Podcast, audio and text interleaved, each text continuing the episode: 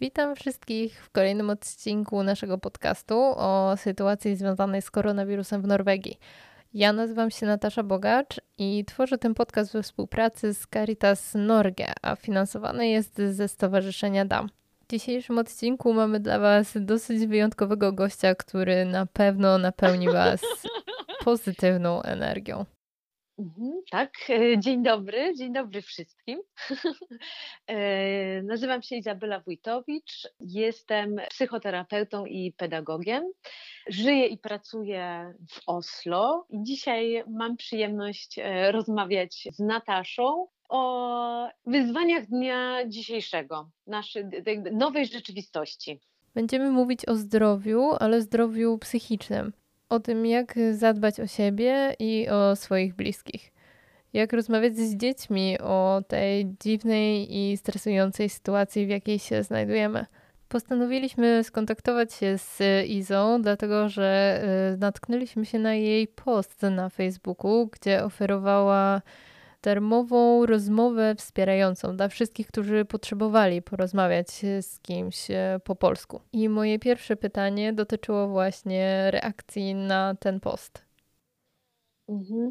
Wiesz, tak powiem Ci osobiście, że ja trochę się zaskoczyłam, bo ja postanowiłam właśnie jakby otworzyć i wyjść online, spróbować tego i, i też jakby zaoferować to, to, to wsparcie, bo wyobraziłam sobie właśnie, że no Teraz każdy z nas siedzi w tym, w tym domu, są przeróżne sytuacje, nie można się spotkać, loty odwołane i każdy gdzieś e, utknął. Ale to, co zauważyłam wśród tych rozmów, które się pojawiły, bo ci odważniejsi zadzwonili. I to e, po prostu ludzie dzielili się historiami, które jakby na dzień dzisiejszy były dla nich ciężkie do zniesienia. I to dotyczy po prostu życia. I myślę, że ta sytuacja z, tą, z tym wirusem, ona jeszcze bardziej zintensyfikowała procesy i wzmożyła to, co już było.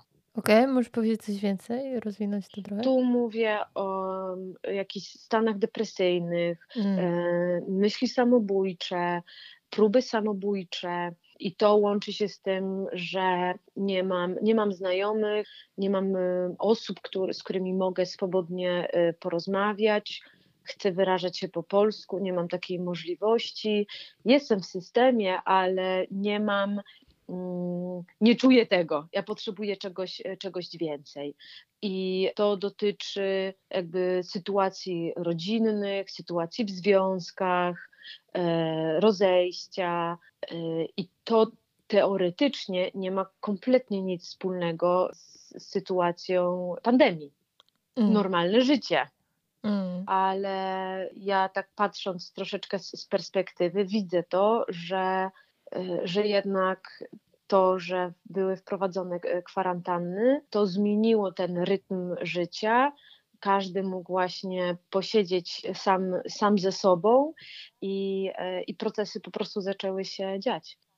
Właśnie tak jak mówisz, sytuacja kwarantanny i tego, że mamy tyle czasu dla siebie i tyle czasu na rozmyślania, może skończyć się tym, że zaczniemy myśleć o życiu Mhm. I o naszych I to, problemach. tak, i to, co było też takie e, interesujące dla mnie, co zaobserwowałam, to to, że, bo niektórzy mówili, ojej, pewnie nie masz nawet czasu teraz, bo jest online, wszyscy pewnie do ciebie dzwonią i w ogóle kupę jest do roboty, pewnie wszyscy już walą drzwiami i oknami. Nie, tak nie jest. Jest naprawdę cisza, ale to, co się wydarza, to jak rozmawiam z ludźmi, jest wiele pytań egzystencjalnych. Co ja tutaj robię? Co jest dla mnie ważne? Czy to, że będę tutaj e, zachorowywać się na, na śmierć i jeździć do tej rodziny do Polski co jakiś tam czas, czy ja chcę z nimi żyć? Mm. Wiele pytań się pojawiło, priorytety, co jest dla mnie w życiu ważne. I ja myślę, że, że przyjdzie taka kolejna fala tych refleksji i tych przemyśleń, bo będąc samemu z pytaniami o tak ogromnej wadze, jest, no jest, jest ciężko samemu przez to przejść. Żeby sobie tak wyczyścić, y, zobaczyć, mało tego być szczerym ze sobą. Mm. No, chyba wiem, o czym mówisz. Ta szczerość ze sobą jest e, faktycznie w deficycie, można powiedzieć. Mm -hmm. Czasami nawet nie zdajemy sobie z tego sprawy.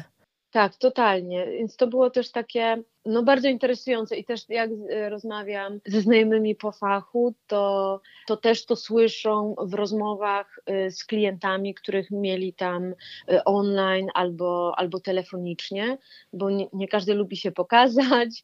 To też jest taki krok E, odkrywania czegoś zupełnie nowego, jak wyglądają też relacje, e, jak to jest nawiązać relacje przez, przez wideo, jak możemy rozmawiać, czuć się swobodnie.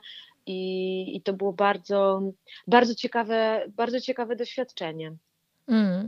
E, miałam też styczność z osobami, które podejrzewały, że, że mają że mają wirusa albo były na kwarantannie i to, było taki, to był taki bezpośredni już kontakt z osobą, która e, naprawdę boi się o swoje życie i boi się też o, o to, czy ja jestem nosicielem wirusa, czy ja mogę zarazić kogoś, mm. E, boi się o otoczenie, jak moje życie wpłynie na losy e, innych. Mm. Więc to też właśnie podczas, podczas rozmów odkrywaliśmy, jak bardzo siebie potrzebujemy i jak bardzo jesteśmy ważni, jeden, jeden dla, dla, dla, drugiego. I tutaj odkrywają się też takie umiejętności zadbania o siebie w momencie, kiedy stres e, paraliżuje całe ciało, gdzie e, tracę oddech, czuję, że mi się wali grunt pod nogami, nie mogę spać, myśli ciągle mi krążą, jestem w czterech ścianach, z nikim się nie spotykam. No właśnie, co wtedy mamy robić? Jak się ratować? Mhm, więc ja tutaj e, bardzo zachęcam i, i proponuję takie techniki relaksacyjne i medytację. E, więc jeśli spotykam się z takim, z takim klientem, to wtedy dla mnie osobiście jest najważniejszy taki ugruntowanie tej osoby. To znaczy, że ja czuję moje stopy i czuję ziemię pod nogami. Więc najlepiej jest ściągnąć sobie skarpetki, położyć te stopy na, e, na ziemi i czuć czuć, jak one się poruszają, jak pulsują, jak podbicie mojej stopy łączy się y, z ziemią, z parkietem, z dywanem, czy ja w ogóle jestem w stanie to odczuć. I powolutku, poprzez też wprowadzanie miarowego oddechu i też obserwacja tego oddechu. I to się wydarza naturalnie, kiedy hmm. moja uwaga wędruje do, do stóp, zaczynam się usadawiać na krześle, najlepiej jest siedzieć, zaczynam czuć pośladki, moje łydki, uda, cały tułów, ręce, dłonie. Mam ogromną świadomość mojego ciała, co się w nim wydarza, i przychodzi też taka refleksja, że o, ja mam w ogóle kontrolę nad moim ciałem. To ja nim steruję, bo kiedy jestem w tym modusie paniki, gdzie latam jak kurczak bez głowy, nie wiem co się dzieje, nie mogę spać, nie mogę tego, nie mogę y, robić rzeczy, których, których chcę, jestem cały czas pod wpływie stresu, to moje ciało mną rządzi. A tutaj to wszystko trzeba odwrócić, gdzie to ja jakby dyktuję stan, w jakim ja chcę się znaleźć. Mm. Ja chcę stan harmonii i stan spokoju, i poprzez to, że ja połączę się z moim ciałem, zauważę je, połączę się z każdą jedną komóreczką w moim ciele, będę w stanie wpłynąć na to, że ja zacznę się rozluźniać, dzięki moim myślom i przekonaniu to, że jestem bezpieczny, że nic mi nie grozi, mogę wprowadzić spokój. Nawet w sytuacjach takich podbramkowych, kiedy osoba jest zamknięta w tych czterech ścianach i jest na kwarantannie. Dlatego, że jest to wtedy mm, taka osoba żyje w ogromnym stanie niepewności. Jakby nie wiesz, nie wiesz, co się będzie działo jutro z tobą. E, a spodziewasz się najgorszego. I w tym hmm. momencie najistotniejszy jest życie tu i teraz. Dlatego, że jeśli ja nie wiem, co będzie w następnym momencie, to to, co ja mam, jest teraz. I ja mogę teraz zadecydować, jaka chcę być. Mhm. Ja, ja czytam, nie wiem, czy to jest w sumie dobre dla naszego wywiadu, ale tak jak teraz zaczęłaś mówić o tych wszystkich krokach, o tych stopach, o tych pośladkach, o rozluźnianiu mm -hmm. się, mhm. ja spróbowałam właśnie to zrobić i w momencie, kiedy zaczęłam skupiać się teraz na własnym ciele i ty wtedy powiedziałaś, że można e, z, nad nim mieć kontrolę i się rozluźnić, mm -hmm. ja mhm. stwierdziłam, że jestem całkiem spięta. Już w ogóle samo pytanie, gdzie jestem spięta? Ja mhm. prowadziłam ze sobą taką praktykę. Cały czas pytałam siebie, czy mam ściśnięte pośladki, bo pracowałam przez sporo lat w przedszkolu, a w przedszkolu jest multitasking. Po prostu musisz wszystko robić na raz. Właśnie nie trzeba, nie musi się, ale jest takie przekonanie. Mm. To po latach dopiero odkryłam, że ja nie muszę wszystkiego robić na, na jeden gwizdek i mieć e, ręce jak, jak ośmiorniczka. I co? I cały czas żyłam na zacisku. Dlatego, że musiałam się bardzo zmobilizować do wykonania pewnych zadań. Więc, e, jak to się mówi potocznie, efekt ściśniętej dupy. Nie wiem, czy to puścisz w eter, ale obrazowo. Zobaczymy, e... czy będzie cenzura. ściśnięte pośladki. W momencie, kiedy ja, mam ściśnięte pośladki, mam ściśnięty brzuch, ściśnięte e, łydki, zwłaszcza łydki, od łydek się w ogóle zaczyna stres pierwsze, okay. zaciska, zaciska łydki, więc często mogą nas boleć nogi. A to już jest pierwsza mhm. oznaka, że e, coś się, coś się dzieje.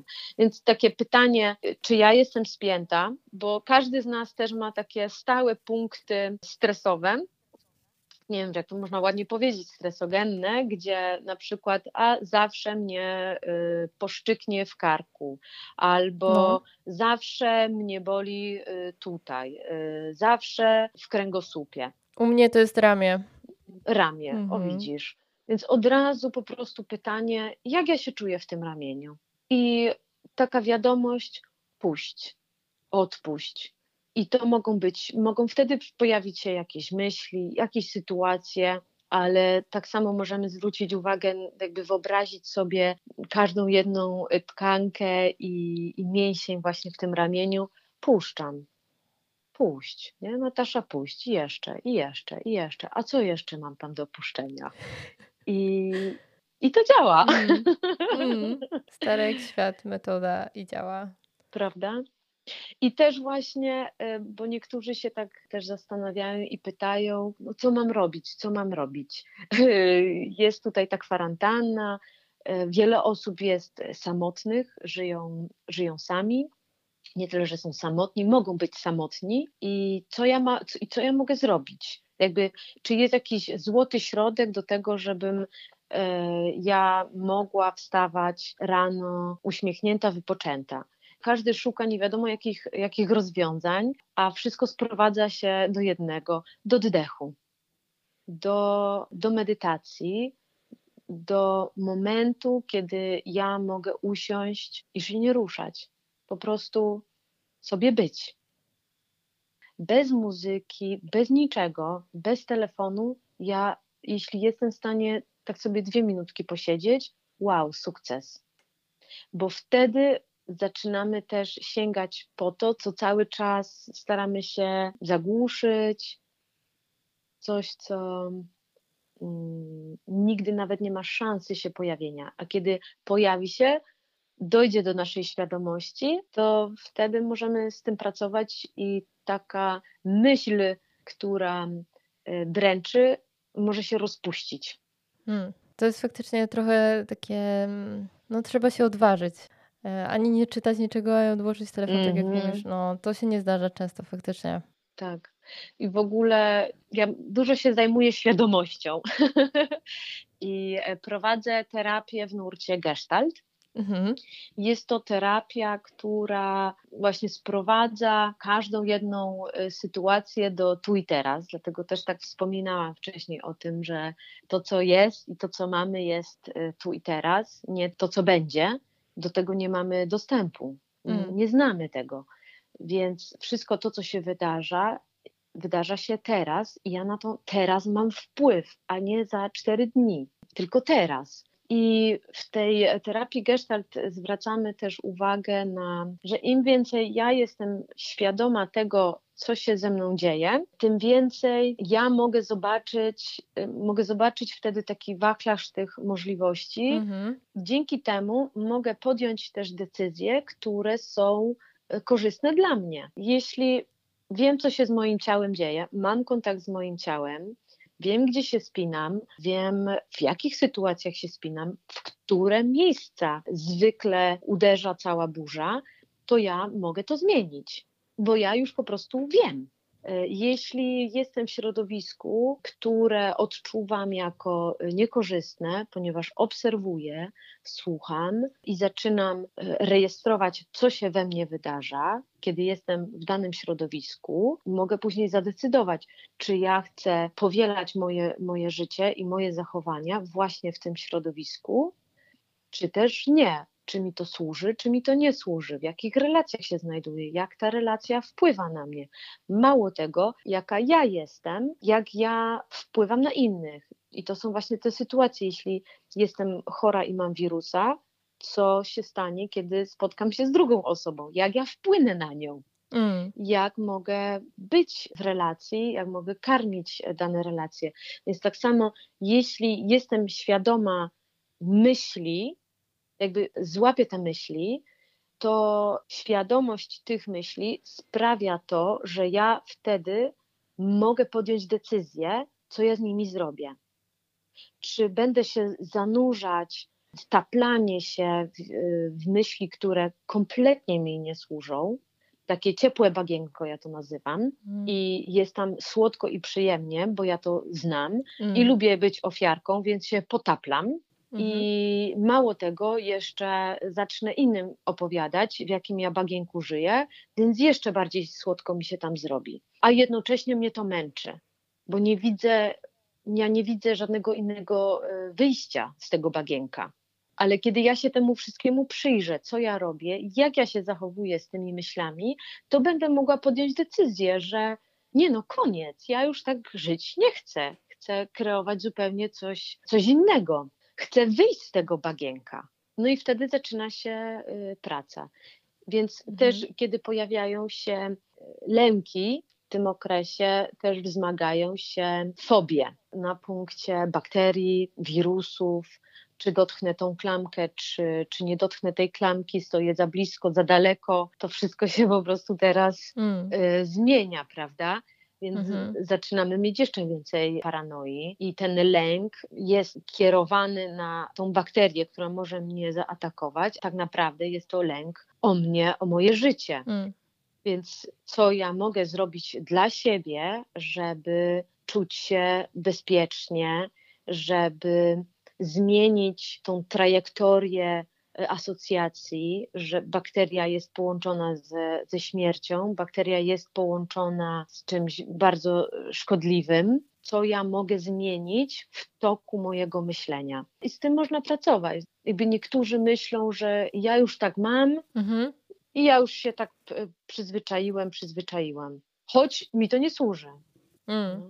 no ale akurat z tym lękiem tutaj mogę się też utożsamić ja, zwłaszcza jeśli chodzi o innych ludzi na ulicy, kiedy nagle każdy, każda osoba, która mija cię na chodniku może cię zarazić. Wtedy w tym momencie czujesz taką wręcz mm -hmm. wrogość, więc tak. masz taki odruch, żeby przejść na drugą stronę ulicy i jeżeli ta druga mhm. osoba też nie stara się zwiększyć tego dystansu od ciebie, to odbierasz to jako nieodpowiedzialne zachowanie. Ja tak sobie myślę, właśnie takie życiowe sytuacje, jestem w sklepie, tak jak ty no mówisz, nie? Idę, ktoś nie zachowuje tej przestrzeni, dystansu, to z tym się spotykamy. To po prostu cały czas jest i ja, i tak jakby ty możesz myśleć, mieć wyobrażenie o sobie, że jesteś super odpowiedzialna, bo dbasz o to i o tamto, a nie widzisz tego u drugiej osoby.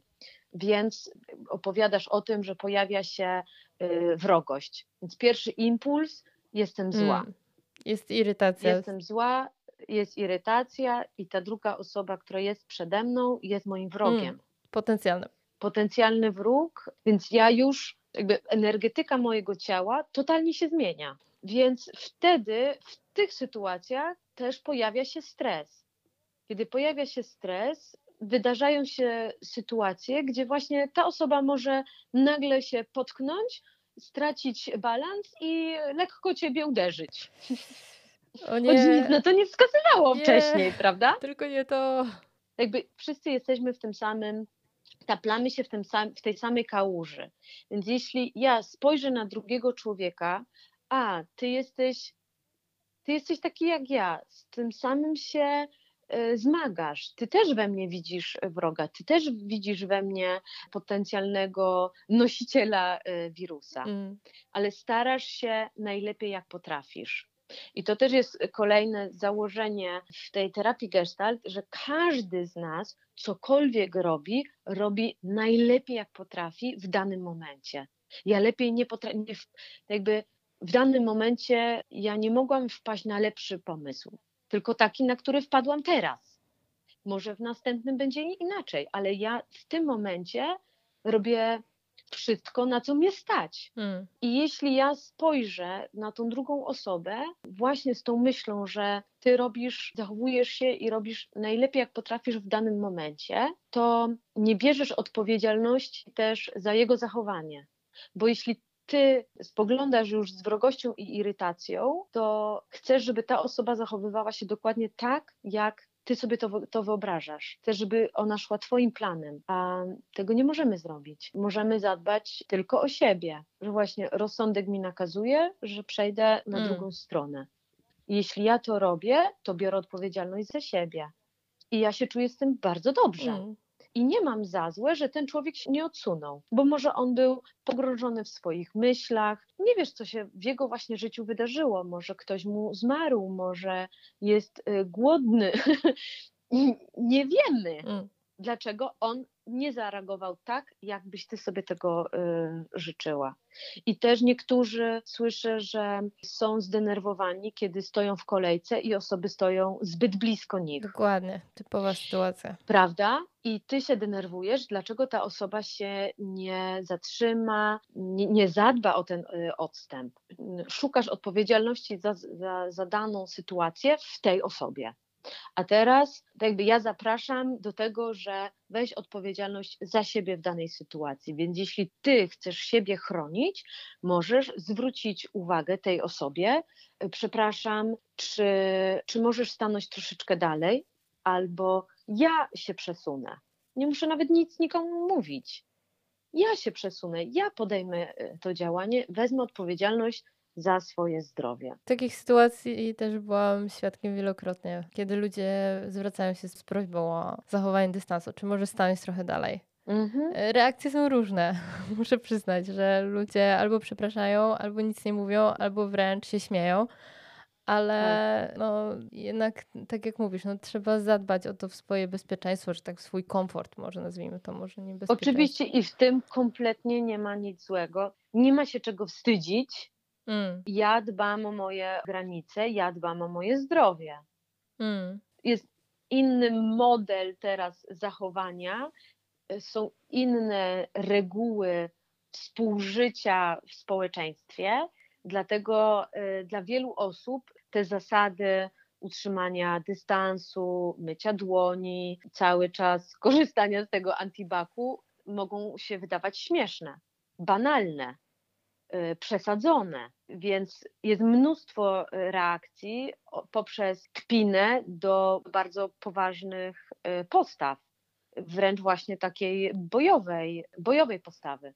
Mm. I wydaje mi się, nie wydaje, ja jestem przekonana, że kiedy ja postępuję zgodnie ze sobą, to ja naprawdę nie mam się czego wstydzić. I tak samo, jeśli szanuję granice i szanuję reguły i zasady drugiej osoby, której zależy na tym, żeby nie przekraczać tego metra, to ja to uszanuję. Ja kompletnie nie mam z tym problemu, bo szanuję tą drugą osobę. Tak samo jak e, spotykamy osoby z innych kultur, na przykład e, z niektórymi kobietami mężczyźni nie mogą witać się, nie mogą uścisnąć ich dłoni. I mhm. już. Szanuję to. Skinę głową. Jest mhm. okej. Okay, po prostu mhm. nie mam z tym problemu.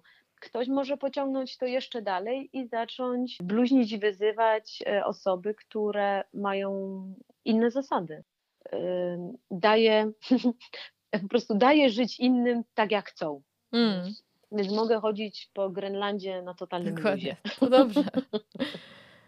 Um, no dobra, jeszcze może tak, ja na koniec nie wiem, e, co ma robić, załóżmy, osoba w Norwegii, która nie mówi po norwesku i która jest e, w tym momencie, czuje, że mhm. to jest ten moment, że okej, okay, potrzebuje pomocy. Jakie ma opcje mhm. taka osoba?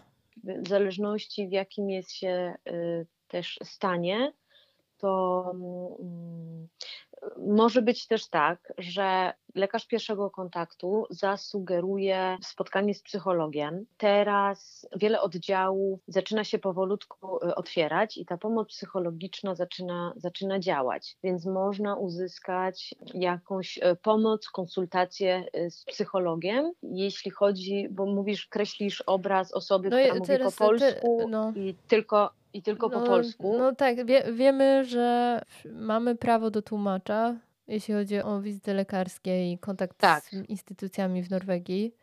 Tak, to już trzeba szukać. Y, no, wtedy.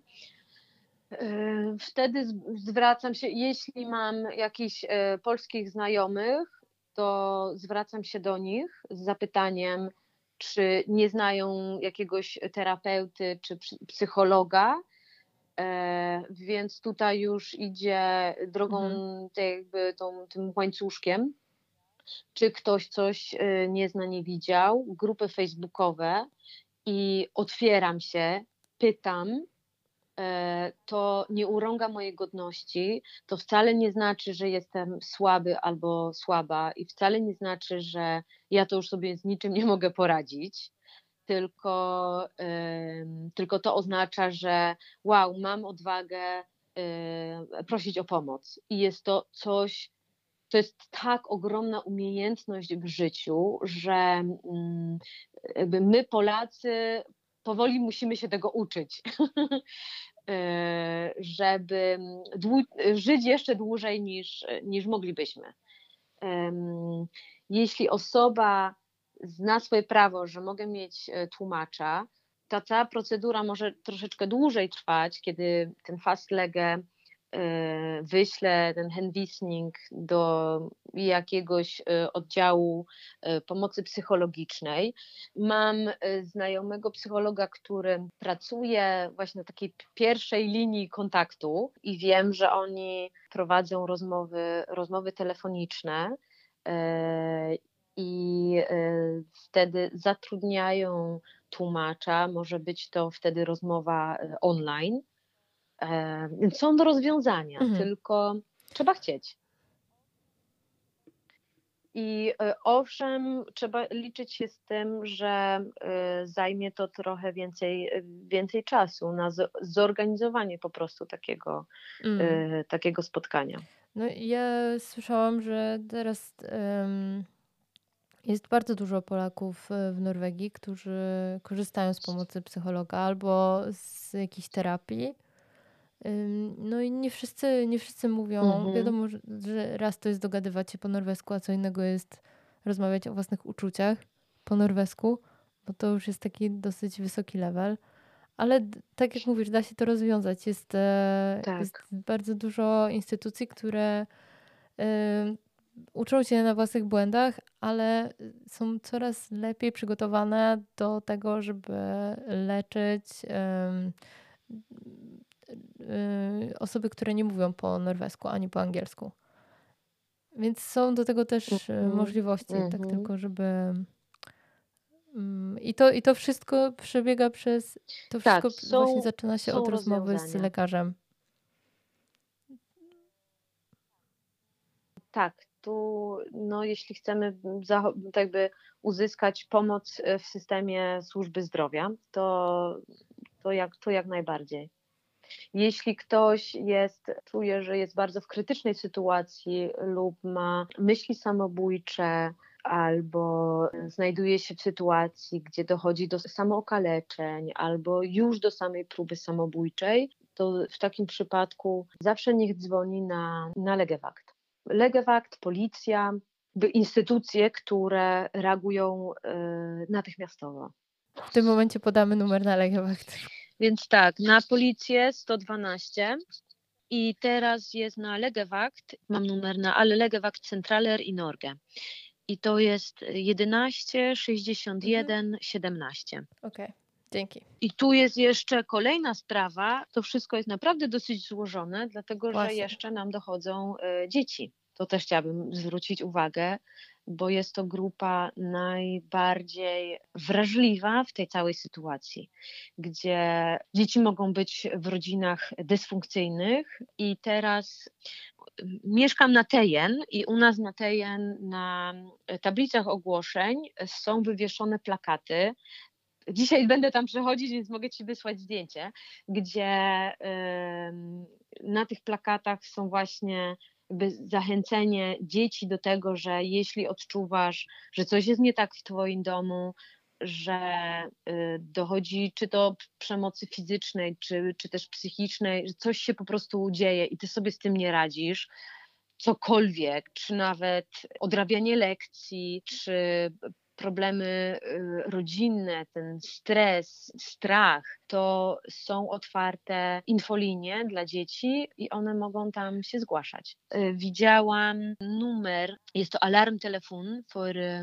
for barn och unge, Dane Open, 11 61 11. Okay. Więc to myślę, że to jest bardzo, też bardzo, bardzo y, istotne. Więc też nawet rodzice dzieci, nastolatków, tutaj y, mam na myśli grupę nastolatków, rodzice, którzy sami nie wiedzą, jak mają już, jakby, co mam mu gadać, jak mam gadać z moim dzieckiem, to mogą mu też zaproponować pomoc poprzez taką y, rozmowę na infolinii. Okej, okay. masz jakieś rady dla rodziców, jeśli chodzi o to, o tym, jak może, może teraz mi chodzi bardziej o te młodsze dzieci, Chodzi mi o y, dzieci, które się boją, które nie rozumieją, y, dlaczego nie mogą widzieć się ze swoimi przyjaciółmi, bo jest jakaś niewidzialna, niewidzialny wirus, mhm. który może je zakazić.